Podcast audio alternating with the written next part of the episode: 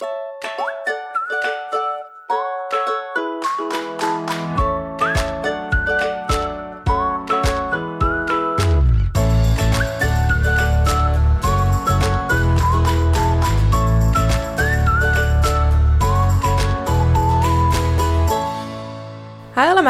Welkom bij een nieuwe aflevering van de Wat ik wou dat ik wist podcast. De podcast waarin ik deel wat ik wel eerder had willen weten en verhalen vertel waar jij als twintiger hopelijk in herkent.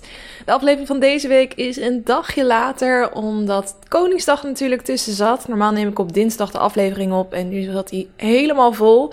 Daar kom ik straks ook nog op. Dus uh, vandaar dat dat eventjes een dagje later werd. Hopelijk voor jou ook geen probleem. Um, deze aflevering is echt mega leuk, want ik ga iets nieuws doen. Iets wat ik nog nooit eerder heb gedaan en ik kondigde het vorige week al een beetje aan. Um, toen kon ik alleen nog geen leuke naam voor bedenken en inmiddels heb ik met jullie hulp via Instagram Stories een goede naam ervoor gevonden. Je hebt het al in de titel gezien, het heet Kwesties met Kelly. En dit is een, ja, rubriek, dat zal ik het maar noemen, waarbij uh, luisteraars, dus jij ook, mij een dilemma voor kunnen leggen. En dan ga ik daar uh, zo goed mogelijk mijn advies over geven. En ik ben helemaal geen expert op het gebied van vriendschap, liefde, relaties. Maar ik uh, denk er wel heel graag over mee. ik vind het ook altijd heel leuk om. Um, nou ja, het zijn natuurlijk soms ook vervelende dingen. Maar ik vind het wel altijd fijn om met vriendinnen mee te denken over dat soort dingen. En sommige van jullie voelen inmiddels al een beetje als vriendinnen. Dus ik vind het alleen maar leuk om um, daar advies over te geven. En wie weet, als jij in zo'nzelfde soort situatie zit, dat je er ook uh, iets uit kan halen. En sowieso wel leuk om eens een kijkje in het hoofd van andere twintigers te krijgen. Um, door deze dilemma's te bespreken. Dus dat komt verderop in de aflevering. Ik doe eerst weer eventjes een korte terugblik op mijn week. Uh, nou, zoals ik al zei, was het dus de week van Koningsdag. En um, als freelancer bij Radio 538 is dat een hele leuke dag. Want uh, er was een speciale livestream. Dus vanuit de studio van Radio 538 um, werd de hele dag een uitzending gedaan. Echt van ochtends vroeg tot avonds laat. Waarbij elke uur artiesten langskwamen. Waar elke keer DJ-duo's elkaar afwisselden. Er werden spellen gedaan in studio. Er was een soort Zoom-meeting scherm waar je dan bij kon. Er was een soort vrijmarkt. Er reed een auto door heel Nederland heen om mini-feestjes te organiseren. En um, ja, dit als uh, uh, content creator, hoe online redacteur, hoe je het ook wil noemen, is er dus heel erg veel leuke content waar je dingen mee kan doen op de site en social. Dus we waren met uh, het hele team aan het werk en het was echt een mega gezellige dag en daarmee ook dus wel echt het hoogtepunt van mijn uh, afgelopen week.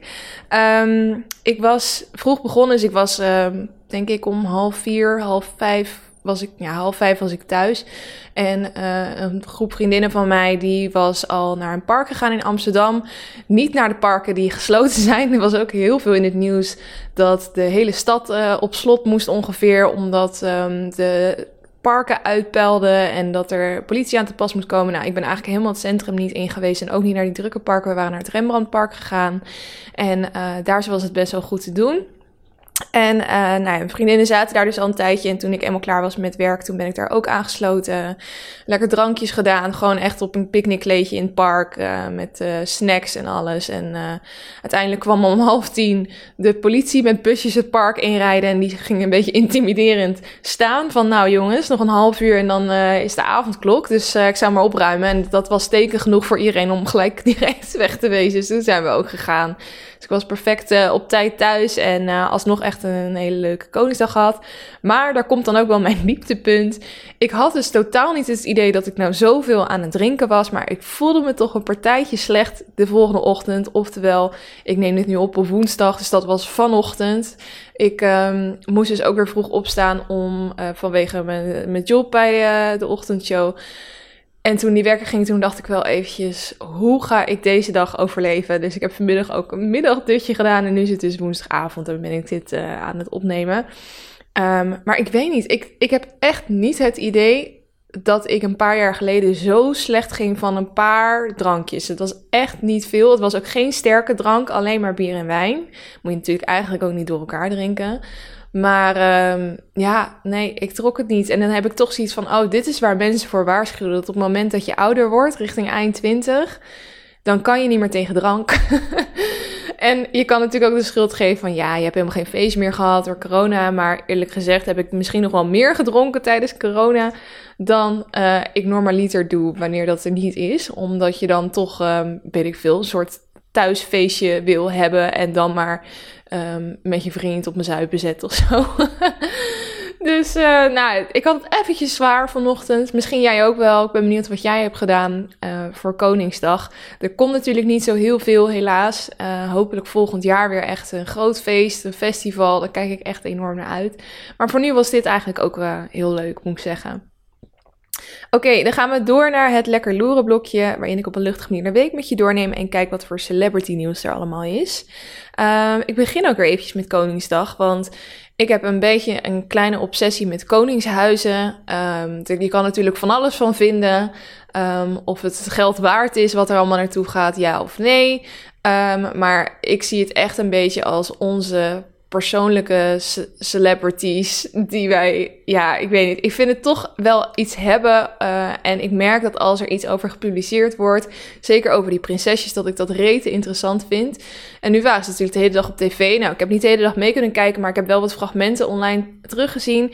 En wat ik wel heel leuk vond, is dat die, die meiden, um, die uh, drie prinsessen, dus ook gewoon aan tafel zaten in een soort talkshow-achtige omgeving. En um, dus niet alleen de spelletjes en heel af en toe dat ze voor de camera wat zeiden, zoals in het verleden, maar ze werden nu ook echt betrokken um, bij alles wat gaande was en in alle gesprekken. En zo kreeg je dus eigenlijk veel meer mee van hun persoonlijkheid, wat ze in hun vrije tijd doen. Nou, Alexia die deed ook een heel praatje over um, ja, hoe de quarantaine voor haar was, het thuiszitten, de lockdowns. En die zei ook van ja, nou, ik vond het, uiteindelijk werd het toch wel een beetje vervelend, want je gaat het toch wel missen dat je niet met vriendinnen naar de stad kan, op een terrasje kan zitten of naar de bioscoop kan. En toen het, het, klinkt alsof je letterlijk gewoon de gemiddelde tiener hoort praten. Terwijl zij natuurlijk een compleet ander leven heeft. Maar misschien toch wel helemaal niet zo. Kijk, ik ben een beetje. Uh, omdat ik The Crown heb gezien, het Britse Koningshuis. Uh, ja, dat, dat zit een beetje in mijn hoofd. En daar, nou ja, als het zo gaat zoals je in The Crown ziet, mag je daar echt niks. Um, terwijl ik het idee heb dat die prinsessen bij ons best wel veel vrijheid hebben. En zeker nu ze dit soort dingen ook zeggen, toont dat dat eigenlijk ook wel aan. Ik zat ook, um, kwamen uh, um, familie van Niels, die kwam, van mijn vriend, die kwam eten op Koningsnacht. En ze hadden nog nooit TikToks gezien van Alexia.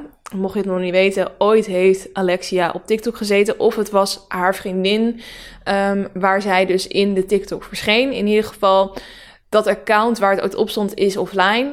Um, maar je kan natuurlijk op YouTube vaak dan nog wel die beelden terugzien. Dus ik had het weer eventjes opgezocht en haar laten zien. En nou ja, die zus die was dus ook helemaal in shock van...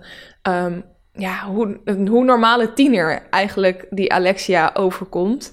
Um, ja, en ik weet niet, ik vind dat toch wel wat hebben. We zijn natuurlijk Nederlanders, we houden van nuchterheid. Doe maar normaal, doe je al gek genoeg. En uh, daar past dit uh, wel bij. Um, maar ja, ik vond het uh, leuk om te zien. Ik vind het gewoon leuk om te zien hoe die prinsesjes opgroeien. Omdat je ze helemaal van jongs af aan ziet opgroeien. En ze nu echt wel hele dametjes zijn. En het idee dat die Amalia dan ooit onze koningin wordt. Zoals Beatrix dat ook was. Ja, ik weet niet. Ik vind het gewoon heel fascinerend allemaal. Gaan we door naar het volgende nieuwtje. En dat gaat over mijn favoriete artiest Billie Eilish. Want uh, zij plaatste namelijk heel erg leuk nieuws op haar Instagram. Namelijk dat er een nieuw album uit gaat komen. Happier Than Ever heet het. En het komt uit op 30 juli. Dus nog, uh, wat is het nu, april, mei, juni, juli. Dat duurt nog wel lang. Nog drie maanden wachten. Maar ze gaat de eerste track morgen, dus als deze aflevering online staat, dan staat die al online, haar eerste nummer van dat album droppen. Dus dan hebben we alvast een klein voorproefje. Um, nou, uh, haar vorige album was natuurlijk When We All Fall Asleep, Where Do We Go? Dat is alweer twee jaar oud inmiddels. in ieder geval kwam het in 2019 uit. En daar kreeg ze allemaal Grammys voor. Dus ja, de, de, de druk ligt hoog. En ik hoop dat ze het waar kan maken, want ik vond dat een fantastisch album. En uh, ja, om heel eerlijk te zijn, heb ik nog nooit een slecht nummer uit haar en haar broers handen horen komen. Dus uh, dit moet alleen maar goed zijn. En ik denk dat dit mijn nieuwe verslaving gaat worden. Ik ben heel erg benieuwd. Volgende nieuwtje is dat Dave Roelvink vader wordt. En die zag ik eventjes niet aankomen. Um, zijn liefdesleven wordt natuurlijk altijd breed uitgemeten in de media. Hij is heel lang samen geweest met Julia Mekkes. Inmiddels is zij um, op zichzelf staand ook al een soort influencer als je kijkt naar haar Instagram-volgers, et cetera. Maar dat ging dus uit in uh, oktober 2019. En een jaar later kreeg hij een relatie met een Jesslyn. En voor het grote publiek was zij onbekend, maar voor hem zeker niet. Want hij heeft uh, toen hij jong was twee jaar een relatie met haar gehad. Dus het is eigenlijk zijn jeugdliefde. En daar uh, was hij dus weer mee samen in het najaar van 2020. Nou, we zijn ongeveer een halfjaartje verder. En uh, nu is dus bekend dat zij een kindje krijgen. Um, het was gepland, maar ze hadden niet, eigenlijk niet verwacht dat het in één keer raak zou zijn. En dat was het dus wel. Uh, dat is natuurlijk altijd een beetje lastig. Het kan natuurlijk ook soms twee jaar duren of je moet een heel IVF-traject in. Dat weet je allemaal niet van tevoren. Dus soms dan gebeurt het dan opeens terwijl je er stiekem soort van al wel klaar voor was, maar ook niet echt verwacht dat het zo snel zou gebeuren. Nou, dat was een beetje bij hun het geval. Um, het werd bekendgemaakt op Dave Rolfings Instagram op wel een hele leuke manier. Hij had een video geplaatst um, die, die Jesslyn stiekem had opgenomen, waarin zij hem dus zelf vertelde dat hij vader ging worden. En dat had ze gedaan door een speen in zijn uh, ontbijt te doen. Hij ontbijt blijkbaar altijd met een, uh, een bakje yoghurt, met krusty of whatever. En daar had ze dus een speen in geplopt. En uh, je ziet dus dat hij aan die ontbijttafel gaat zitten en zegt, nee... Nee, ben je zwanger? Hou op! Gaat hij helemaal uit de plaat. Vond ik wel heel grappig. Moet je eigenlijk eventjes terugkijken op zijn Instagram. En uh, nou ja, hij was dus helemaal uh, in de wolken. Dus wel heel leuk dat zij ook uh, een kindje krijgen samen. Ik heb haar nog verder proberen te googlen en haar profiel op te zoeken. Maar volgens mij heeft zij geen Instagram. Ze wordt in ieder geval nooit getagd in zijn post. En als ik op de naam zocht, kon ik ook niks vinden. Um, maar misschien heb ik het niet goed genoeg gespeurd. Ik was, daar dan gewoon gelijk nieuwsgierig naar. Oké, laatste nieuwtje is dat uh, nou ja, Maxi Meiland die krijgt dus een kindje, dat heb ik al eerder genoemd. En nu is dus ook bekend geworden wat ze krijgt. Um, ze krijgt een uh, dochtertje, dus het wordt een zusje voor Claire. Uh, je zag dat in het programma van de Meilandjes. Daarin gingen ze een taart opensnijden en nou, daar kwam roze uit. Dus ehm, wel heel leuk dat zij een dochtertje krijgen. En ja, opnieuw weer babynieuws. Er is zoveel babynieuws de laatste tijd, jongens. Ik kan elke week wel weer een babynieuwtje noemen. Maar ja, blijft toch interessant, hè? Um, dan gaan we door naar het Lekker Leven blokje, waarin ik allerlei leuke tips geef om jouw leven lekkerder, leuker te maken. Um, als eerste een kijktip. Ik hoor toch opeens weer heel veel mensen hierover. Uh, een serie die eerst al op nou, hij staat eigenlijk al een tijdje op Videoland. En toen hoorde ik een vriendin van mij er al wel een beetje over praten. Toen heb ik één of twee afleveringen gekeken. En toen dacht ik, nou ja, ik heb wel zin in echt een goede serie. En dit is een beetje Gossip Girl meets The Devil Wears Prada.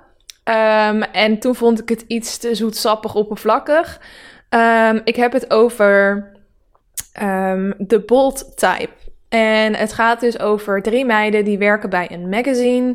Uh, ze hebben alle drie verschillende rollen in het bedrijf, maar één daarvan die is ook echt schrijver voor het tijdschrift. En um, zij krijgt dan dus van haar baas allerlei opdrachten om artikelen te schrijven. Uh, en de hele serie draait dus een beetje om die drie meiden, hoe zij zich proberen op te werken in het bedrijf en relaties, vriendschappen. Nou, elk, elk thema komt er wel een beetje in voor. Um, en ik had het dus gezien en toen had ik er niet zo heel veel zin in, maar nu is het op Netflix verschenen. En nu heeft opeens iedereen het erover, in mijn omgeving, die vrouwen zijn, zoals ik in ieder geval. Um, dus ik ben er toch maar weer opnieuw aan begonnen. En ik moet zeggen dat ik het nu wel heel erg leuk vind. Mijn zus die had het in één keer van begin tot eind eh, af. Nou, niet in één keer, maar ze had wel heel snel alle seizoenen doorheen gejaagd. Dus toen dacht ik, nou, toch maar weer even een kans geven. En ik vind het toch wel heel erg leuk. Dus uh, mocht je zin hebben in een simpel, zoetsappig, oppervlakkige, lekkere, fijne serie over Um, ja, toch die uh, toch wel interessante wereld. Het, deed me ook een beetje denken aan die film um, How to Lose a Guy in 10 Days. Echt een van mijn favoriete films ever. En dan uh, werkt er dus ook een vrouw bij een tijdschrift. En dan gaat ze dus het artikel schrijven How to Lose a Guy in 10 Days. En Matthew McConaughey zit er dan in. En uh, dat wordt dus haar project. Dus zij gaat hem, krijgt eerst een relatie met hem. En dan gaat zij in 10 dagen proberen uh, van hem af te komen. Maar uiteindelijk heeft ze zo gemaakt voor elkaar dat ze natuurlijk niet van hem af kan komen. Nou, hele leuke film, dat terzijde, maar daar deed het me ook een beetje aan denken. Maar dan iets simpeler en uitgerekter, want dat is een film en dit is een serie. Maar dan krijg je een beetje een idee um, hoe het in elkaar zit. Een andere leuke tip is een app. Uh, Truth or Dare heet die. Heel simpel eigenlijk. Maar uh, ik zat dus gisteren met Koningsdag in het park met vriendinnen. En toen um, wilden we eigenlijk wel Piccolo doen. En Piccolo, dat ken je misschien wel. Dat is volgens mij best een populaire app. Waarbij er dus elke keer staat van je moet um, uh, dan, wordt het, dan voer je de naam in en dan, krijgt, dan verschijnt een naam op je scherm met een opdracht daarachter of een, iets dat je toe moet geven. Of nou ja, eigenlijk ook een beetje Truth or Dare, maar dan gelijk gericht op één persoon. Maar die app die was uh, betaald en had op iemand anders telefoon gedaan. Ze wilde toch nog wel een ander spelletje doen. En toen kwam ik er dus achter dat bij, toen ik op Piccolo zocht, dat een andere app werd aangeraden, namelijk Truth or Dare. En nou ja, het spelletje zegt het al, je moet dus of een, uh, een, een, interessante vraag beantwoorden. En als je hem niet wil beantwoorden, dan moet je drinken. En je kan dan ook vragen doorspelen aan andere mensen. Dus uh, we hebben dat spelletje gedaan. Ik zou het wel echt pas spelen richting het eind van de avond, want er zitten echt wel heftige vragen tussen. Maar dat houdt het wel interessant in ieder geval. En deze app is dus ook helemaal gratis, voor zover ik weet. Ik kon hem in ieder geval spelen. Misschien zijn er nog wel upgrades die je kan doen. Um, maar misschien nog een leuke tip, aangezien de terrassen nu weer open gaan. Het wordt alleen nog een beetje kut weer aankomende tijd. Maar hè, als je dan uh, op het terras zit en uh, het wordt heel gezellig, dan kan je deze misschien eens een keer op tafel leggen. Hè? Dan wordt het nog een interessante middag. Want om zes uur gaat het dicht, dus je moet wel snel zijn met drinken dan. Oké, uh, en tot slot een laatste tip, iets serieuzer wel. Um, dat is namelijk crypto. Ik, um, ja, dat is ook weer zo'n ding waar iedereen het opeens over heeft, naar mijn idee. Dat is natuurlijk ook dat. Um, vorige keer had iemand mij dat, dat doorgestuurd. Toen zei ik ook van ja, ik, ik hoorde dit nummer. En toen die serie en dat overlapt met elkaar, dat vond ik zo toevallig. Volgens mij is het confirmation bias, dat, of zoiets. Of, nou, of het was een. Nee, het, het was een ander effect. Dat een bijzondere naam, maar ik kan me niet meer herinneren. Maar het is natuurlijk zo dat als je met een ding bezig bent, dat het lijkt alsof het elke keer opnieuw terugkomt in je leven, maar gewoon omdat jij een soort um, ja, bril op hebt, waardoor je heel erg uh, uh, dat soort dingen opvangt de hele tijd. Maar waar ik het dus over wil hebben is crypto. Um, ik denk dat ik twee jaar geleden op aanraden van mijn vriend een keer Bitcoin had gekocht. Toen zat hij er echt, uh, was hij er heel veel mee bezig. Um, en ik zag er wel toekomst in, maar ik wilde niet zoveel mee bezig zijn. Dus nou, via hem, of in ieder geval wel gewoon op mijn eigen accounts en zo. Uh, maar met zijn hulp had ik toen um, 500 euro aan Bitcoin gekocht. En uiteindelijk helemaal niet meer naar omgekeken. Ik keek één keer in de maand of zo in een app op mijn telefoon en dan zag ik hoeveel het nu waard was. Maar ik zat er niet aan, ik deed er niks mee. Um, en uh, in twee jaar tijd is dat dus verviervoudigd. Dat is nu 2000 euro waard, wat insane is.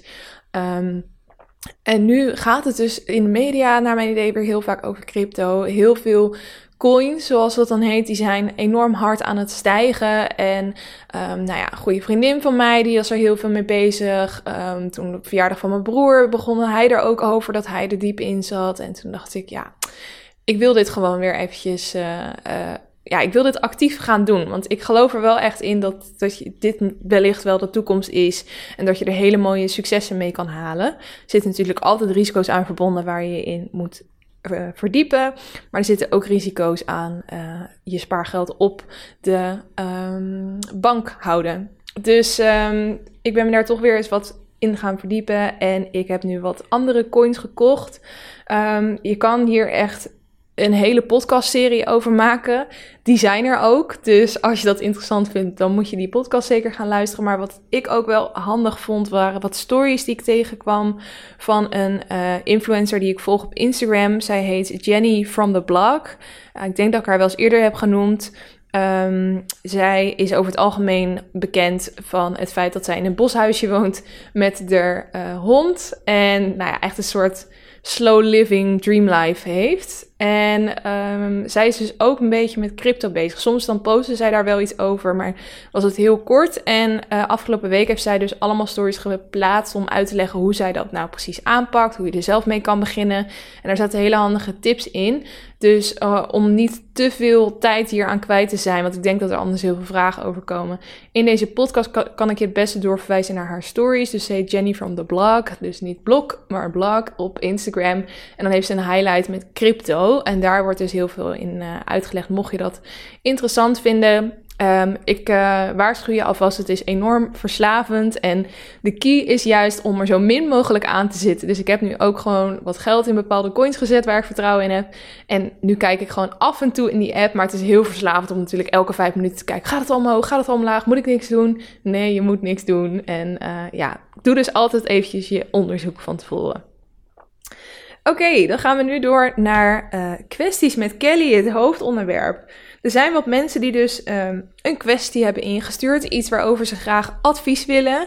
En ik ga gewoon één voor één de berichtjes voorlezen en um, ja, zo goed mogelijk uh, advies geven voor deze situaties. Dus ik ga de eerste eventjes erbij pakken. En die is van Melissa. En Melissa zegt: Mijn dilemma is dat ik niet weet wanneer ik echt verliefd ben. Op zo'n moment dat ik dat denk, ben ik helemaal in de wolken en achteraf begin ik me af te vragen of het wel echt was. Daarom krijg ik bij elke crush veel onzekerheid, gewoon omdat ik mijn eigen keuzes op dat moment niet helemaal vertrouw. Ik voel me best vaak alleen en geef toe dat ik wat gehersenspoeld ben door zoveel romantische films te kijken. Ik denk dat ik daarom heel erg verlang om die echte liefde te vinden. Denk jij te weten wanneer iemand echt verliefd is en op de eigen gevoel kan vertrouwen? Of is het een kwestie van proberen en even afwachten? Ik denk dat deze voor heel veel mensen wel herkenbaar is, want ik had ook, ik groeide ook echt op met romantische films, romantische comedies. En daar wordt heel duidelijk één beeld van liefde neergezet, waardoor je het idee krijgt dat er geen andere vormen kunnen zijn. Dus een man moet altijd um, romantisch zijn en voor je door het vuur gaan. En nou, gewoon al die clichés die je in die films ziet, dat verwacht je dat dat dan ook in het echte leven gaat gebeuren. En heel eerlijk, dat gebeurt gewoon niet. Zeker in Nederland, waar we toch wel nuchtere mannen hebben, die, uh, nou ja, ik durf wel te zeggen, misschien wat minder romantisch zijn dan mediterraanse mannen bijvoorbeeld. Um, heel generaliserend dit natuurlijk, maar uh, het is gewoon niet altijd zoals in de films. En dat hoeft denk ik helemaal niet zo erg te zijn. Ook als ik kijk naar mijn eigen relatie, is het best wel um, ja, in balans. Is denk ik het beste woord. Wij hebben niet hele hoge pieken en hele diepe dalen. Uh, terwijl ik wel ken, relaties ken waarbij dat is. Maar vaak is dat dan, ja, soms dan werkt dat heel goed voor ze. En soms dan gaat het ook juist helemaal fout. Ik ken nu ook een koppel die dus echt zo'n vurige relatie had, maar dat het uiteindelijk toch op de klip is gelopen. En soms dan denk ik dan ook wel eens over mijn eigen relatie van, ja, is het niet heel saai? Maar ik ben heel blij mee hoe het gaat. Um, maar omdat ik in films alleen maar zie um, dat er hele hoge pieken en hele diepe dalen zijn, krijg je het idee dat dat is hoe liefde moet zijn. Um, terwijl me dat doodvermoeiend lijkt in het echt. Maar ja, als je een, uh, een relatie die volledig in balans is, gaat uitvergroten in een film, dan gaat natuurlijk niemand daar naar kijken, want dat is super saai. En ik denk dat dat ook de reden is waarom we zo'n verkeerd beeld hebben. Um, of in ieder geval een heel eenzijdig beeld van hoe uh, liefde moet zijn. En dat je daarom ook niet echt, zoals minister hier zegt, weet wanneer je echt verliefd bent. Omdat misschien denk je wel van, oh, ik vind deze jongen of dit meisje echt mega leuk. En ik ben heel erg uh, verliefd. Maar ja, eigenlijk is het niet zoals in de films. Of het is niet dat ik enorme vlinders in mijn buik krijg. Nergens anders meer aan kan denken. Uh, geen eten door me, door me uh, geen eten wegkrijg, omdat ik zo alleen maar aan die persoon, met die persoon bezig ben ja, dat, dat hoeft niet altijd zo te zijn. Ik denk dat het vooral belangrijk is dat op het moment dat jij gewoon dat het heel goed voelt met iemand en dat je als je alleen bent heel erg verlangt om met die persoon samen te zijn, dat dat al een hele goede indicatie is voor het feit dat jij meer wil met die persoon.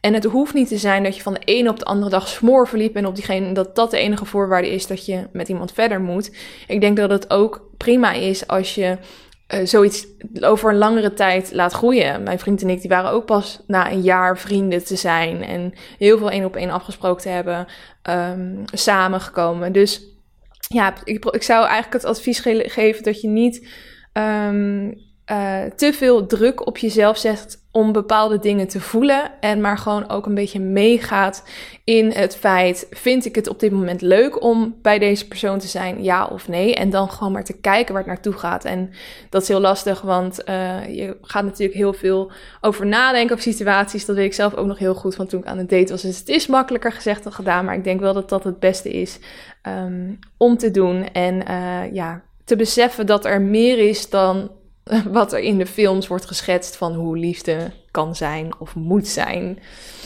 Oké, dan gaan we door naar uh, de volgende. En dat is Sharon. En zij heeft eigenlijk een hele korte vraag. En zij zegt: Mijn vraag is: Ik twijfel of ik een relatie met mijn ex, tussen haakjes drie jaar geleden relatie gehad, aan moet gaan of niet. Enige tips? Um, dit is echt heel erg afhankelijk van de situatie. En ik krijg natuurlijk niet zo heel veel details hier, dus ik vind het ook lastig om er iets over te zeggen. Uh, in mijn ervaring is het wel vaak zo dat als een relatie uit is gegaan, dat dat ook met een reden is gebeurd. En dat um, heel vaak mensen weer teruggaan naar een ex omdat ze gewoon eenzaam zijn en ze uh, alleen maar de positieve dingen uit die relatie gaan herinneren. Want zo is dat vaak, dat als iets langer in het verleden is, dat je dan toch gaat denken van, oh ja, maar dit was eigenlijk wel heel leuk. En oh, toen gingen we dit doen. Toen, en elke keer denk je daar weer aan als je op bepaalde plekken komt. Um, waardoor je dingen heel erg kan gaan romantiseren in je hoofd. Van hoe die persoon of die relatie was. Maar ik denk dat het heel erg belangrijk is dat je goed nagaat wat nou eigenlijk de reden was dat het destijds uit is gegaan. En um, of er op dat vlak nu iets veranderd is. Ik kan bijvoorbeeld voorstellen dat als je um, destijds gewoon nog heel anders in het leven stond. Stel, hij um, was echt een hele losbandige student, wilde alleen maar naar feestjes toe. En jij was gewoon heel erg gefocust op je studie, ambitieus, uh, gericht op de toekomst. Dat dat dan niet helemaal matcht. Maar misschien is hij inmiddels uit die feestfase en is hij, uh, heeft hij een baan begonnen of whatever. Um, en matchen jullie levens gewoon weer wat meer. Of het ging uit omdat je te ver weg van elkaar woont en nu woon je weer in dezelfde stad. Kijk, dat zijn redenen waardoor je het misschien wel weer eens een kans zou kunnen geven.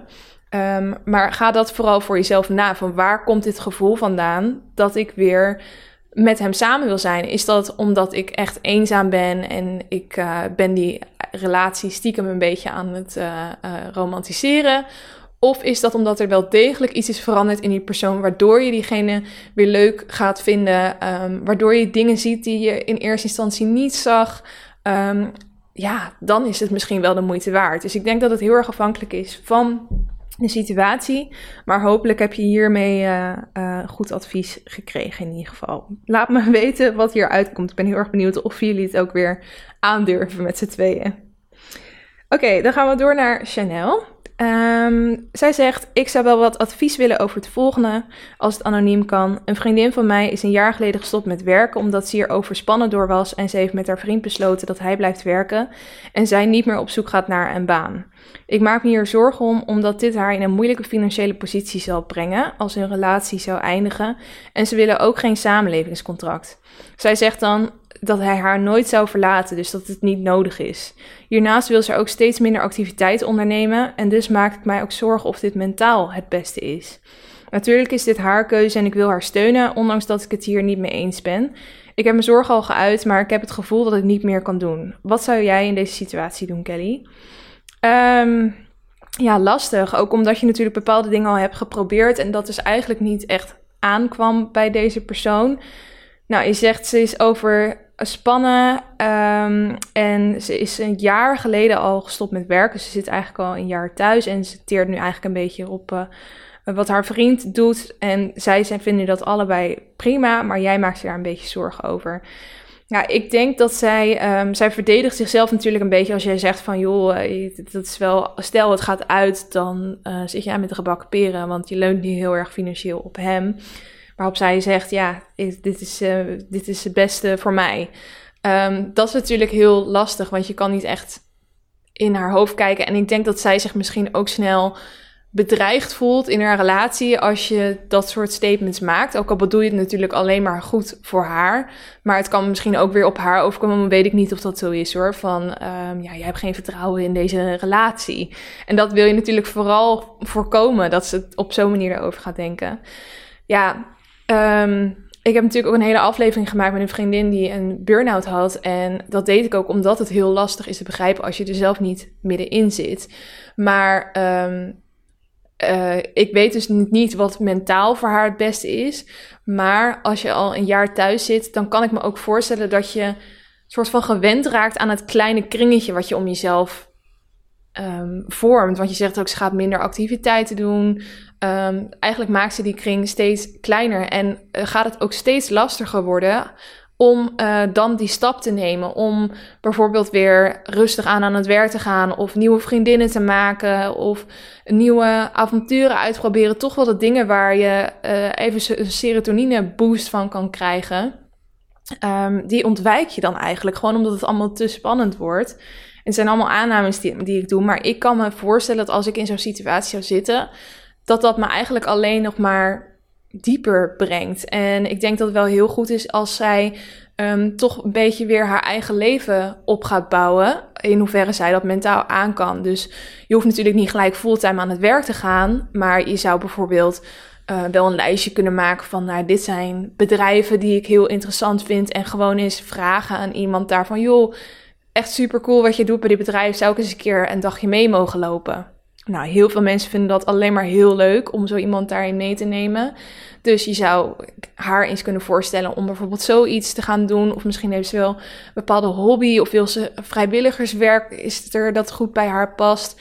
Um, ik zou haar gewoon heel erg proberen te motiveren om meer op zo'n manier haar kring weer wat groter te maken. En um, haar ja, een beetje op die manier er bovenop te helpen. En niet te veel druk uit te oefenen. Want het is natuurlijk lastig. Je kan, zoals ik al zei, niet in haar hoofd kijken.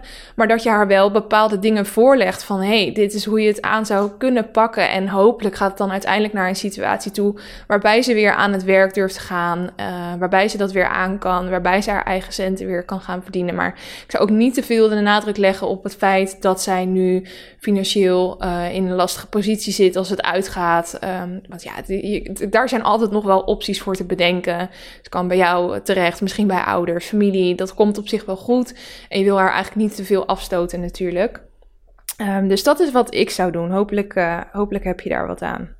Oké, de volgende is Nina. En zij zegt: Hoi Kelly, ik heb wel een onderwerp waar ik advies over zou willen krijgen. Het is nu bijna een jaar uit met mijn ex en ik krijg haar maar niet uit mijn hoofd. Het is niet zo dat ik haar per se mis en ik wil haar ook zeker niet terug, maar ik weet het gewoon niet zo goed. We hadden wel echt een fijne relatie, maar het is op een kut manier uitgegaan. We ruzie over de stomste dingen. Ik vind het heel lastig om haar los te laten. Ik hoop dat je me hier een beetje advies over kan geven. En trouwens, ik hou echt van je podcast. Ah, lief, thanks. um, ja, eigenlijk een beetje een soortgelijke vraag als die we eerder hadden. Moet je terug naar je ex? Ja of nee? Hier heb ik wel iets meer informatie. Um, want ze zegt eigenlijk zelf: ja, ik, ik, ik krijg haar niet uit mijn hoofd. Dus, maar het is niet ook per se dat ik haar terug wil. Waardoor ik toch zoiets heb van: volgens mij uh, mis je gewoon het hebben van iemand.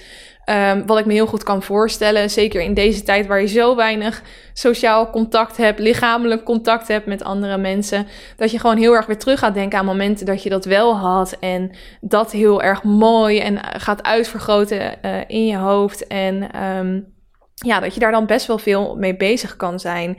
In dit geval klinkt het niet alsof het een goed idee is om uh, terug te gaan naar haar ex, maar um, ik hoor wel uit wat ze erover vertelt dat um, het gewoon heel vervelend is geëindigd. En ja, er zijn natuurlijk heel veel relaties waarbij dat zo is. Um, sommige mensen die gaan echt als vrienden uit elkaar, wat denk ik ook super fijn is. Maar in heel veel gevallen is het ook zo dat er gewoon dat de bom op een gegeven moment barst en dat je elkaar daarna niet meer spreekt. Um, en dan kan je wel nog steeds zo het gevoel hebben dat bepaalde dingen gewoon niet goed zijn geëindigd. Misschien um, wil deze Nina wel heel graag gewoon weer een normaal gesprek met diegene kunnen hebben. Of dat als ze haar ergens tegenkomt, ehm, dat het dan niet ongemakkelijk wordt of zo. Dat kan ik me heel erg goed voorstellen. Dat je dat eigenlijk gewoon eventjes uitgepraat wil hebben, omdat je er ook van baalt hoe het is geëindigd. Niet per se dat je diegene terug wil, maar gewoon dat je um, wil dat het uitgepraat is. Dat kan ik me heel erg goed voorstellen. Dus wat eventueel een idee zou kunnen zijn, is om maar toch even een berichtje te sturen van joh, um, ik verwacht helemaal niks van je, maar ik vind het gewoon vervelend hoe het geëindigd is en ik wil dat eventjes uitpraten. En dan neemt dat de ongemakkelijkheid tussen ons weg en um, voor de rest helemaal geen uh, verwachtingen. Weet je, dat, dat je het op zo'n manier brengt. Zo zou ik het eigenlijk doen. Niet dat diegene gelijk denkt van, oh, daar komt mijn ex, die wil me terug of zo. Want dat is het niet. Je wil gewoon de lucht klaren eigenlijk. En als je het op zo'n manier brengt, dan denk ik dat zo'n gesprek jullie eigenlijk allebei alleen maar goed zou kunnen doen. Weet je, wie weet word je wel vrienden. Dat hoeft helemaal niet. Maar stel het, gaat opeens toch wel weer heel goed dat jullie in ieder geval op goede voet met elkaar uh, verder kunnen. En dat het niet ongemakkelijk wordt. En ik denk dat diegene daardoor ook wel meer uit je hoofd zal gaan. Want ik heb het idee dat dat vooral de reden is waarom je nog zo met haar bezig bent. Um, dus ja, ik zou toch proberen zo'n gesprekje aan te gaan. Lijkt me wel heel gek weer hoor, om uh, um, dat soort herinneringen op te halen met je ex. Um, maar ja, ik denk ook dat het je misschien wel heel goed kan doen. Oké, dan gaan we naar die van uh, Natas. Zij zegt: hoe om te gaan met drugsgebruik, dus haakjes blowen, van je partner. Het is niet dagelijks, je hebt er geen last van. Alcohol is slechter, alleen het is minder sociaal geaccepteerd. En je wilt het niet richting kinderen, maar hij of zij geeft aan te kunnen en te willen stoppen. Ja, wat moet je doen als je partner bloot? Um, dat ligt een beetje aan hoe erg je het vindt. En eigenlijk zeg je zelf, nou, ik heb er niet zoveel last van. Uh, het is ook niet dagelijks. Um, je vindt het ook niet zo heel uh, erg gezondheid gezien, zeg maar. Dus eigenlijk zie ik vooral redenen waarom je het niet erg zou moeten vinden. Um, maar je zegt ook, ik wil het niet richting kinderen. Ik weet niet of je daarmee bedoelt dat er al kinderen zijn en dat je het vervelend vindt als hij het in die buurt doet. Maar ik heb eerder het idee dat je ooit een keer met hem aan kinderen wil gaan beginnen. En um, dat je het dan wel vervelend zou vinden als hij nog steeds zou blowen. Maar hij geeft dus aan dat hij um, ja, kan en wil stoppen als het op dat moment aankomt.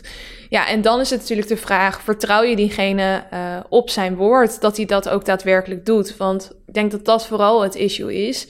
Dat als het eenmaal, uh, als jullie eenmaal in die levensfase komen, dat je dan eigenlijk liever niet meer hebt dat hij dat doet. Um, en ik zou daar eventjes goed een gesprek over aangaan. Dat je dat duidelijk maakt. Um, dat je dat gewoon niet wil dat dat in de omgeving van kinderen gebeurt, wat ik me heel goed kan voorstellen. Of dat je daar zo met een, op een bepaalde manier met elkaar een regeling voor kan bedenken, bijvoorbeeld. Um, maar ik zou het niet te veel gooien op hoe hij uh, nu op dit moment met drugs omgaat. Want ik krijg eigenlijk het idee dat je daar zo niet zo heel veel uh, problemen mee hebt. En um, op het moment dat je daar dan heel erg de nadruk op gaat leggen, dan uh, gaan er denk ik fricties ontstaan die nergens voor nodig zijn. Het gaat jou vooral om dat toekomstbeeld. Um, ja, en als, als jij hem niet vertrouwt op zijn woord dat hij uiteindelijk zal kunnen stoppen ja, dat vertrouwen moet er eigenlijk wel zijn in een relatie. Dat als iemand iets belooft, dat diegene het ook echt na zou kunnen komen. Ze noemt natuurlijk niet voor niks een verslaving, maar ik heb het idee dat hij niet verslaafd is door de manier waarop jij het beschrijft. Dus um, als hij zegt dat hij kan stoppen, ja, dan het enige wat je kan doen, denk ik, is op zijn woord afgaan. En um, als jij er toch heel erg twijfels bij hebt, dan zou je er toch veel over moeten praten om uiteindelijk uh, ergens uit te komen, hopelijk, waar jullie allebei blij mee zijn. Uh, lastige situatie wel hoor. Ik snap dat je daar, uh, daarmee zit. Um, volgende is Josje. Zij zegt: Hey, al een lange tijd, een aantal jaar, voel ik me niet meer zo verbonden met de vriendin die ik eerst mijn beste vriendin noemde. Inmiddels zijn het andere vriendinnen waar ik energie van krijg en gelukkig van word. Ik vind het erg lastig en ik stel steeds het gesprek uit waarin ik aangeef wat ik wel en niet meer voel. Mijn tante geeft aan dat ik beter eerlijk kan zijn, zoals je ook wenst dat men tegen jou is. Maar ik vind het heel lastig om te benoemen dat we voor mijn gevoel uit elkaar groeien. Ik kan bijna niet geloven dat ik de enige 28-jarige ben die hier tegenaan loopt. Dus ik ben benieuwd wat jouw en misschien ook wel ervaringen van anderen zijn. Ah, de friendship break-up. echt de ergste die er is. Bijna nog erger vind ik dat dan met een relatie, omdat een vriendschap vaak nog veel langer is. Ik, heb ook het idee dat dit een vriendin, uh, echt een jeugdvriendin is, zeg maar, van uh, basisschool of middelbare school of whatever. Um, en dan is het gewoon heel pijnlijk om uh, zoiets op te breken. Zeker als het niet van beide kanten is. Soms dan groei je gewoon allebei uit elkaar en dan merk je dat allebei. En dan, ja, dan verwatert het gewoon een beetje. Dat is eigenlijk de chillste manier. Het is natuurlijk überhaupt niet chill, maar de chillste manier waarop het in ieder geval kan gebeuren.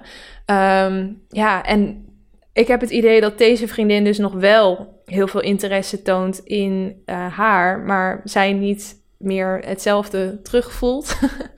um, en dat is heel moeilijk. Ik heb daar ook al een keer een aflevering over gemaakt. Volgens mij echt in het eerste half jaar dat ik de podcast deed. Dus die aflevering is al wel weer verouderd. Maar daarin heb ik het hier ook over. En dan vertel ik ook dat um, ja, ik ook wel vriendschappen in het verleden heb gehad. Um, waarbij ik dus ook zoiets had van ja, ik voel hem gewoon niet meer. En elke keer als diegene dan mij een stuurt van hé, zullen we dat gaan doen? Dat ik een soort knoop in mijn maag kreeg. Dat het me eigenlijk heel veel energie kostte. In plaats van dat het me energie opleverde. En op het moment dat je dat merkt, ja, dan is het gewoon niet meer de juiste vriendschap. En um, ik geloof er ook wel heel erg in dat je bepaalde vriendschappen in bepaalde levensfases hebt. Dus als je levensfase op elkaar aansluiten, de interesses die je hebt, um, dat je dan heel close kan zijn, maar ook een hele tijd niet, omdat het niet op elkaar aansluit. En misschien kom je dan weer in een andere levensfase, kom je toch weer in dezelfde stad te wonen, of je begint allebei aan kinderen en matcht het gewoon weer goed en kan je dan ook weer bij elkaar komen. Maar op het moment dat het niet matcht, um, ja, dan is dit wel echt heel lastig. Dat snap ik wel heel goed. Um, ja, jouw tante zegt dus van dat het beste is om eerlijk te zijn. Ik denk dat het altijd het beste is om eerlijk te zijn, maar het is makkelijker gezegd dan gedaan. Uh, net zoals natuurlijk eigenlijk met het gesprek aangaan met je ex bijvoorbeeld. Um, of als je heel ver aan het daten bent met iemand al en jij moet dan zeggen van ja, ik voel hem toch niet. Dat zijn altijd gewoon geen fijne gesprekken uh, om te hebben. Um, maar ja, als jij gewoon heel erg merkt uh, aan jezelf van nou, ik ga nu echt excuses verzinnen om niet met haar te praten. Ja, dat wil je zo iemand ook niet aandoen, want dan ben je toch een beetje aan het liegen tegen die persoon. En dat voelt ook niet fijn, want ja, jullie zijn ooit wel beste vriendinnen geweest. Dus ik zou toch maar het uh, gesprek aangaan, hoe moeilijk dat ook is. Um, en uh, vooral de schuld, nou ja, er is niemand schuldig in deze situatie. Misschien moet je daar dat juist benadrukken.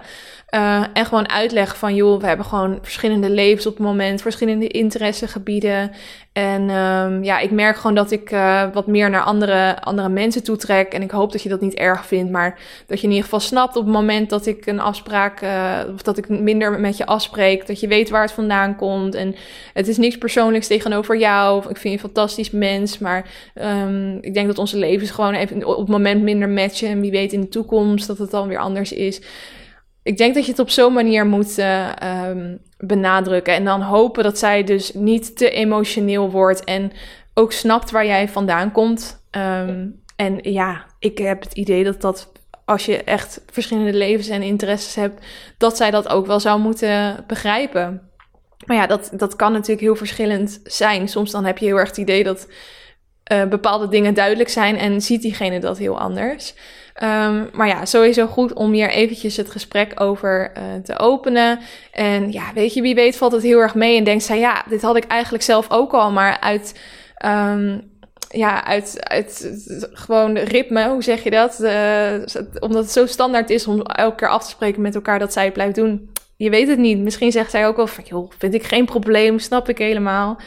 Dus ik zou toch maar het, uh, het, het gesprek aangaan, zeker omdat jullie weet je, alle, in ieder geval, ik weet niet hoe oud zij is, jij bent 28. Um, ehm, we zijn allemaal volwassen mensen en dan is het ook wel het moment om het op een volwassen manier uit te praten en niet zoals we op de middelbare school deden, elkaar ontlopen of uh, nare opmerkingen.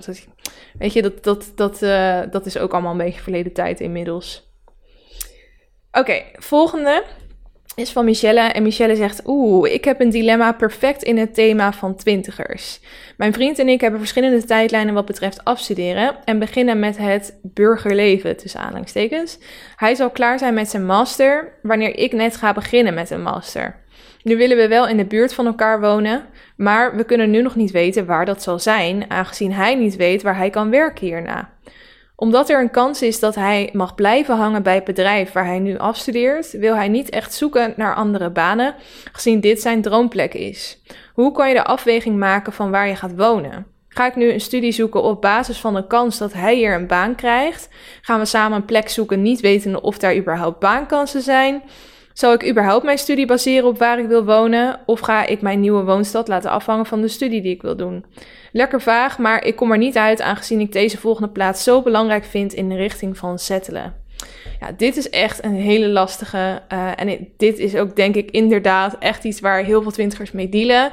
Ik liep hier zelf ook tegenaan op het moment dat mijn vriend en ik een relatie kregen, toen startte hij net met een nieuwe studie, terwijl ik dat jaar zou gaan afstuderen. Dus bij ons was de situatie eigenlijk net andersom. Um, en toen hebben wij er wel voor gekozen om eigenlijk apart te wonen. Dus hij woonde uh, vlakbij Rotterdam, waar hij studeerde. Uh, en ik woonde in Amsterdam, want ik ging al aan het werk in Hilversum. En nou ja, dat, dat, dat was gewoon het meest praktisch. En ik woon al jaren in Amsterdam. Dus wij hebben toen eigenlijk bewust voor gekozen om um, niet bij elkaar te gaan wonen. Maar goed, wij waren ook wel een stuk jonger. Wij waren toen 21 en uiteindelijk hebben we, nou ja, tot aan anderhalf jaar geleden um, een soort lange afstandsrelatie gehad. Ook al vind ik dat je het in Nederland niet heel snel een lange afstandsrelatie kan noemen, omdat je toch wel zo bij elkaar bent. Zeker als je een auto hebt, wat ik toen al had. Dus dat was wel heel chill. Um, maar ja, wij, ik had toen wel echt zoiets van ja. Um, dit, ik, ik weet nog niet nu in hoeverre deze, waar deze relatie gaat eindigen. En stel, het gaat, ik richt nu heel mijn leven in op mijn vriend. Dus ik ga uh, wonen waar hij gaat studeren en ik ga een baan zoeken daar in de buurt. En uiteindelijk um, passen wij gewoon niet bij elkaar. En dan heb ik daar zo heel een leven op gebouwd, terwijl ik eigenlijk ergens anders een leven op wilde bouwen. Dat wilde ik gewoon heel erg voorkomen. En uh, ik vond het eigenlijk prima te doen hoe we het op dat moment deden. Dus dat hebben we best wel lang uh, volgehouden. Maar ja, um, ik heb het idee dat jij nu ook een beetje mijn leeftijd bent, dus wat meer achter in de twintig. En dan ben je daar natuurlijk wel meer mee bezig van, nou, waar gaan we wonen? Um, waar willen we echt vriendenkringen op gaan bouwen? Um, waar wil ik mijn huisarts, mijn, nou ja, weet je, allemaal van dat soort dingen echt het settelen. Gewoon, je wil op een gegeven moment toch een plek kiezen en vanuit daar dan gaan verder bouwen. Dus ik snap wel dat je nu zoiets hebt van, ja, wat moet ik hier nou mee? Um, en het belangrijkste hierbij, denk ik, is om toch een soort compromis te zoeken. Uh, ten eerste is het denk ik goed om te weten um, of jouw vriend daadwerkelijk uh, kans maakt op een baan bij het bedrijf waar hij nu zit waar hij nu uh, afstudeert. Want hij zegt er is een kans.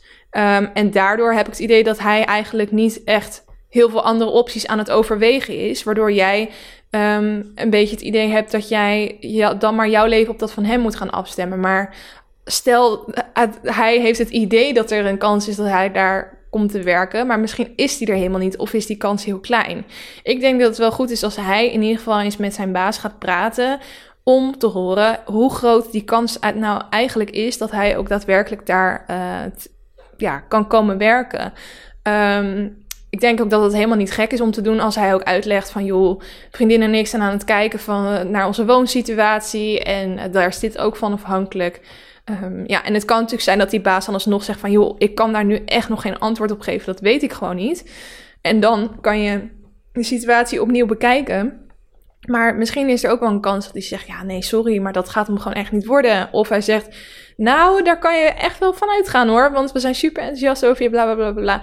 Dan kan je al iets meer daarop gaan sturen en meer in die richting uh, na gaan denken. En stel, uh, er komt uit dat die vriend uh, eigenlijk helemaal niet zoveel kans heeft om bij, bij dat bedrijf te werken dan denk ik dat het ook wel eens goed is om vanuit jouw perspectief na te denken van hoe belangrijk vind ik het inderdaad, um, welke studie ik waar ga doen. Uh, is die studie op bij de ene stad beter aangeschreven dan bij de andere stad? Want vind ik nou echt een leuke stad om in te gaan wonen? Vind ik het belangrijk om nu al met mijn vriend te wonen, ook al vind ik de stad dan eigenlijk niet zo leuk? Um, ja, en daar kom je alleen maar uit, uit dat soort kwesties, door er heel veel over uh, te praten met elkaar. Uh, dat is wat mijn vriend en ik ook hebben gedaan. Want wij zaten nog te twijfelen of we misschien dan in Rotterdam gingen wonen. Toen hij eenmaal klaar was met de studie en aan het werk ging. Uiteindelijk toch voor Amsterdam uh, gekozen. Omdat ja, voor mij was het toen ik nog. Toen zat ik nog in dienst. En was het gewoon niet te doen vanuit Rotterdam.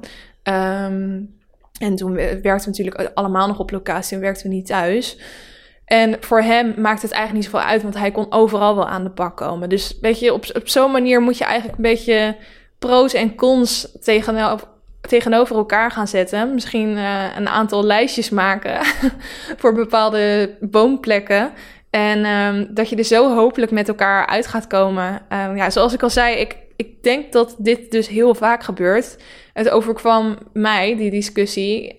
Um, en je ziet eigenlijk alleen maar op het moment dat mensen dus die beslissing hebben gemaakt, dan zie je ergens op Instagram een post voorbij komen met sleutels en woehoe, huis gekocht of gehuurd of we gaan samenwonen in puntje, puntje, puntje. Maar ik heb het idee dat er heel vaak ook een best wel grote discussie aan vooraf is gegaan. Want je moet toch twee levens samen gaan voegen en vanuit één plek gaan leven, terwijl je in je twintiger jaren toch een beetje in ieder geval, um, dat geldt voor mij dan en voor veel mensen om mij heen ook toch een beetje heen en weer aan het hoppen bent door verschillende steden. De, je studie brengt je weer naar één plek, misschien brengt je master weer naar een andere plek, dan brengt je baan weer naar een andere plek. Je bent vaak best wel veel aan het verhuizen en dan op een gegeven moment moet je toch een keuze gaan maken van ja, uh, waar wil ik nou eigenlijk gaan settelen? Um, en misschien maken we dat ook wel allemaal groter in ons hoofd dan het eigenlijk is hoor. Want het betekent natuurlijk echt niet dat als je eenmaal hebt gekozen van oké, we gaan nu hier wonen, dat je helemaal niet meer kan verhuizen. Of dat als je eenmaal kinderen hebt, dat je dan helemaal niet meer kan verhuizen ergens anders naartoe.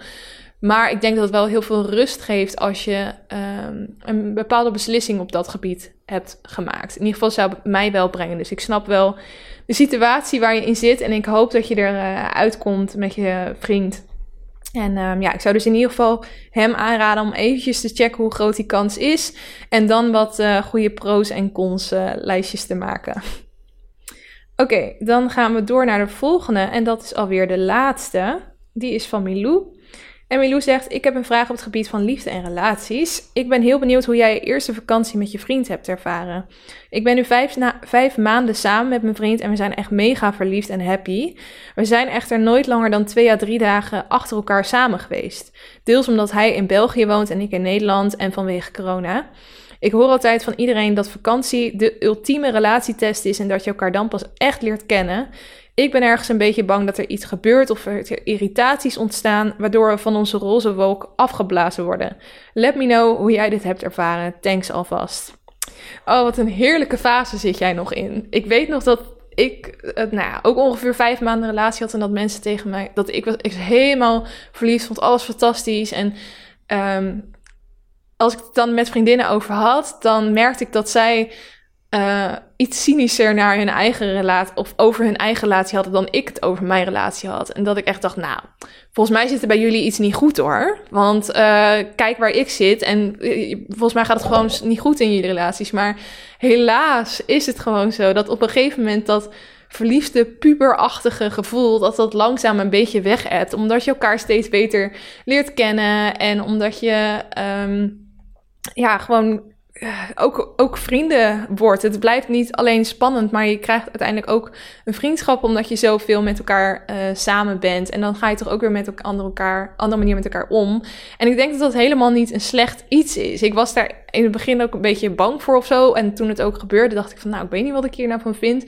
Maar uiteindelijk komt er toch een houden van voor in de plaats. En dat is stiekem net zo leuk. En uh, het maakt het ook wat minder. Uh, er komt wat minder druk op en zo. Ik, ik, ik vond het eigenlijk ook wel heel erg fijn. Dus ik zou daar vooral niet te bang voor zijn dat je van de roze wolk afkomt. En als je het dan hebt over um, op vakantie gaan en de relatietest. Um, je wordt op het moment dat je dat gaat doen wel in bepaalde situaties gebracht waarin je heel goed kan zien hoe iemand op um, ja, dingen die, die fout gaan, tussen aanhalingstekens, hoe iemand daarop reageert. En ik denk dat dat wel heel leerzaam is. Um, en dat dat helemaal niet direct fout hoeft te gaan. Het kan je er ook voor zorgen dat je die persoon alleen maar leuker gaat vinden. Maar het zijn wel dingen die je uiteindelijk, als jij um, dit verder ziet gaan dan vijf maanden, misschien dat dit wel jouw levenspartner is, dat je je droomman is, dan wil je ook dit soort dingen liever eerder dan later uh, weten. En ik was als eerst volgens mij, nou, toen wij een half jaar relatie hadden, toen zijn we een weekendje weg naar Antwerpen gegaan. En ik denk dat dat stiekem nu nog steeds, als ik kijk naar alles wat we hebben gedaan, we zijn echt, nou ja, naar Tokio geweest, ik veel allemaal. Maar uh, als ik echt kijk naar wat voor onze relatie het leukste was, dan vind ik misschien nog wel dat weekendje. Omdat je dus allemaal leuke nieuwe dingen over iemand leert kennen. En soms zit het ook tegen, maar vaak kan je dan ook weer heel hard lachen om dat soort situaties. En brengt het je ook veel dichter naar elkaar toe. Dus ik zou, uh, als ik jou was, alleen maar uh, zo snel mogelijk zo'n weekendje, want daar kan je dan mee beginnen. Dat is dan misschien wel een goed idee.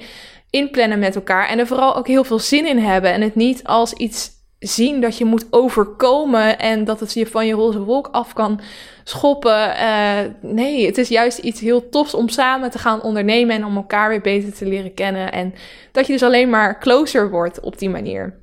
Dus ga dat vooral doen en, en wees er niet te bang voor, zou ik zeggen.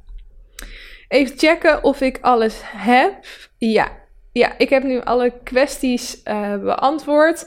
Ik had één keer een oproepje gedaan en toen dacht ik, ja, ik wil ook eigenlijk niet te veel hebben, want ik wil ze het liefst allemaal beantwoorden. Maar mocht jij nu zoiets hebben van, oh, ik zit eigenlijk ook ergens mee en ik wil dat Kelly daar mij advies over geeft, als je dat leuk vindt, Um, dan mag je ze me altijd naar me DM'en en dan uh, schrijf ik ze gewoon op en dan onthoud ik ze voor de volgende keer. Ik vind het wel leuk om dit als uh, een terugkerende aflevering te doen in ieder geval. Ik weet nog niet op welke basis, maar gewoon af en toe een kwesties met Kelly. Bedankt nog voor degene die de naam heeft uh, bedacht, want heel veel mensen hebben daar dus over meegedacht, wat ik super leuk vond. Oké, dan tot slot nog eventjes een update over de challenge. In deze maand ben ik allemaal nieuwe dingen aan het uitproberen qua eten. En um, nou, ik heb al een heel lijstje van dingen die ik nog wil uitproberen. Maar uh, afgelopen week heb ik nog twee uh, nieuwe dingen geprobeerd. Ten eerste uh. Ik weet niet of je daar ooit wel eens van hebt gehoord. Misschien heb je wel eens van dumplings gehoord. Gyoza's zijn eigenlijk dumplings, maar dan aan één kant een beetje gebakken. Ik hoop dat ik dat goed zeg, maar dat is in ieder geval mijn opvang daarvan. Of hoe zeg je dat? Dat is, het, dat is volgens mij hoe het in elkaar zit. Um, en ik ben er gek op, op gyoza. Dus ik bestel dat heel vaak bij Aziatische restaurants. Maar dan is het best wel prijzig en dan krijg je er niet zo heel veel. Toen zag ik bij Picnic dat je dit... Uh, Picnic is een boodschappen-app, mocht je het nog niet kennen. Chillste app ever. Um, wij bestellen elke week onze boodschappen daar. En toen zag ik dat je dus ook gewoon gyoza's kon bestellen. En dan zijn ze dus al klaargemaakt. Dan moet je ze alleen nog eventjes stomen en bakken in de pan. Uh, dus zo gezegd, zo gedaan. Het is van het merk Hanabi. H-A-N-A-B-I. Uh, maar zoek gewoon op gyoza's op je, in je app uh, of in de, ja, in de supermarkt. Of um, waar je dan ook je boodschap bestelt. G-Y-O-Z-A. Um, en die hebben we dus uitgeprobeerd afgelopen vrijdag. We hadden een soort Aziatische snackavond gedaan. Dus we hadden zelf yakitori-spiesjes gemaakt. We hadden Vietnamese lumpia's in de pan gebakken. Gewoon kant-en-klaar waren die. En dus ook deze gyoza's. En die waren mega goed gelukt. En dan een beetje met sojasaus. En het was echt het beste ever. En ik vind het gewoon fantastisch als je ontdekt dat je dingen die je normaal voor best wel wat geld in een restaurant moet kopen. Bijvoorbeeld dat je dat soort dingen dus ook gewoon thuis kan maken. Is trouwens ook heel leuk. Heb ik ook één keer gedaan met iemand die vroeger kok is geweest. Want ik weet niet of ik het zelf aan zou durven. Maar is ook heel leuk om gewoon helemaal from scratch zelf te maken. Uh, met filo deeg kan je dat doen. En dan moet je de vulling eventjes online opzoeken. Is ook heel erg leuk om uh, te doen. Als je echt eventjes een avondje de tijd daarvoor wil nemen. Um, en iets anders wat ik heb geprobeerd. Ik zag iemand online dit proeven. En toen dacht ik, dat wil ik ook proeven. En dat is uh, een, een, limited edition van Danio Quark in de smaak. Let op, drop. Dus het is kwark met dropsmaak. Nou, ik heb het dus geprobeerd. En ik dacht, nou, dit, dit wordt echt het goorste dat ik ooit in mijn leven op heb. Want ik, ik kan die smaken gewoon niet heel goed matchen met elkaar. Kwark en drop. En nou zijn we natuurlijk wel veel kwarksmaakjes sowieso een beetje zoetig. Maar dit leek me dus echt niet lekker. Maar ik heb het geproefd en ik vind het echt heel nice. Ik zou het denk toch wel een, een 8 of een 8,5 geven. Ik zou makkelijk het helemaal weg kunnen eten. Het enige is dat het door. Het, het smaakt een klein beetje naar drop. Niet super erg, wat denk ik een goed iets is. Um, en de kleur is heel raar, want het is dus helemaal grijs. Want ja, drop is zwart. Dus het zou ook gek zijn als het dan opeens een roze kleur heeft of zo. Tenzij je biggetjes drop. Nou. Um, dus het, je, je eet grijze kwark. En um, dan gaat er toch een beetje iets fout in je hoofd. Want grijze dingen hoor je normaal niet te eten. dat zijn stenen en dat soort dingen. Uh, en dit ziet er dus ook een beetje onsmakelijk uit. Maar het is wel heel erg lekker. En iets wat ik het nog probeerde te bestellen online, maar wat natuurlijk direct overal uitverkocht was, ook in de winkel ben ik ook nog heen geweest, is Hematon poesbier. Dat is ook weer zo'n combinatie waarvan je denkt, hoe verzinnen ze het? En het was aangekondigd op 1 april volgens mij en uiteindelijk bleek het dus niet een 1 april grap te zijn, maar echt waar. Um, en uh, toen dacht ik, nou, dit, dit moet ik gewoon proeven. Maar uh, zoals ik al zei, is het dus overal uitverkocht. Maar daar ben ik nog steeds op aan het azen. En ik hoop dat ik uh, volgende week, um, wat de laatste, dan is de maand afgelopen. Dus dan kan ik echt een goede recap doen. Dat ik dan ook dat heb geproefd en jullie kan vertellen hoe dat smaakt. als jij het al hebt geproefd, laat me zeker weten wat je ervan vond. Want ik heb tot nu toe wat wisselende opmerkingen over gezien. Overmatig positief wel. Um, maar ja, het klinkt gewoon niet oké.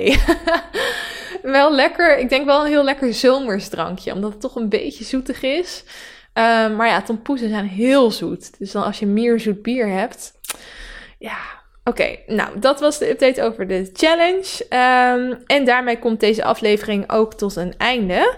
Ik hoop dat je het weer een leuke aflevering vond. Heel erg bedankt aan de mensen die um, kwesties, dilemma's uh, naar mij hebben ingestuurd. Ik hoop dat ik je daarmee een beetje verder heb geholpen.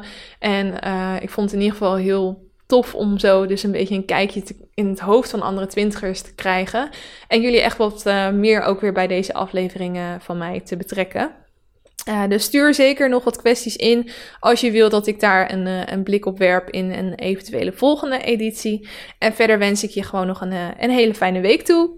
Tot volgende week. Doei doei.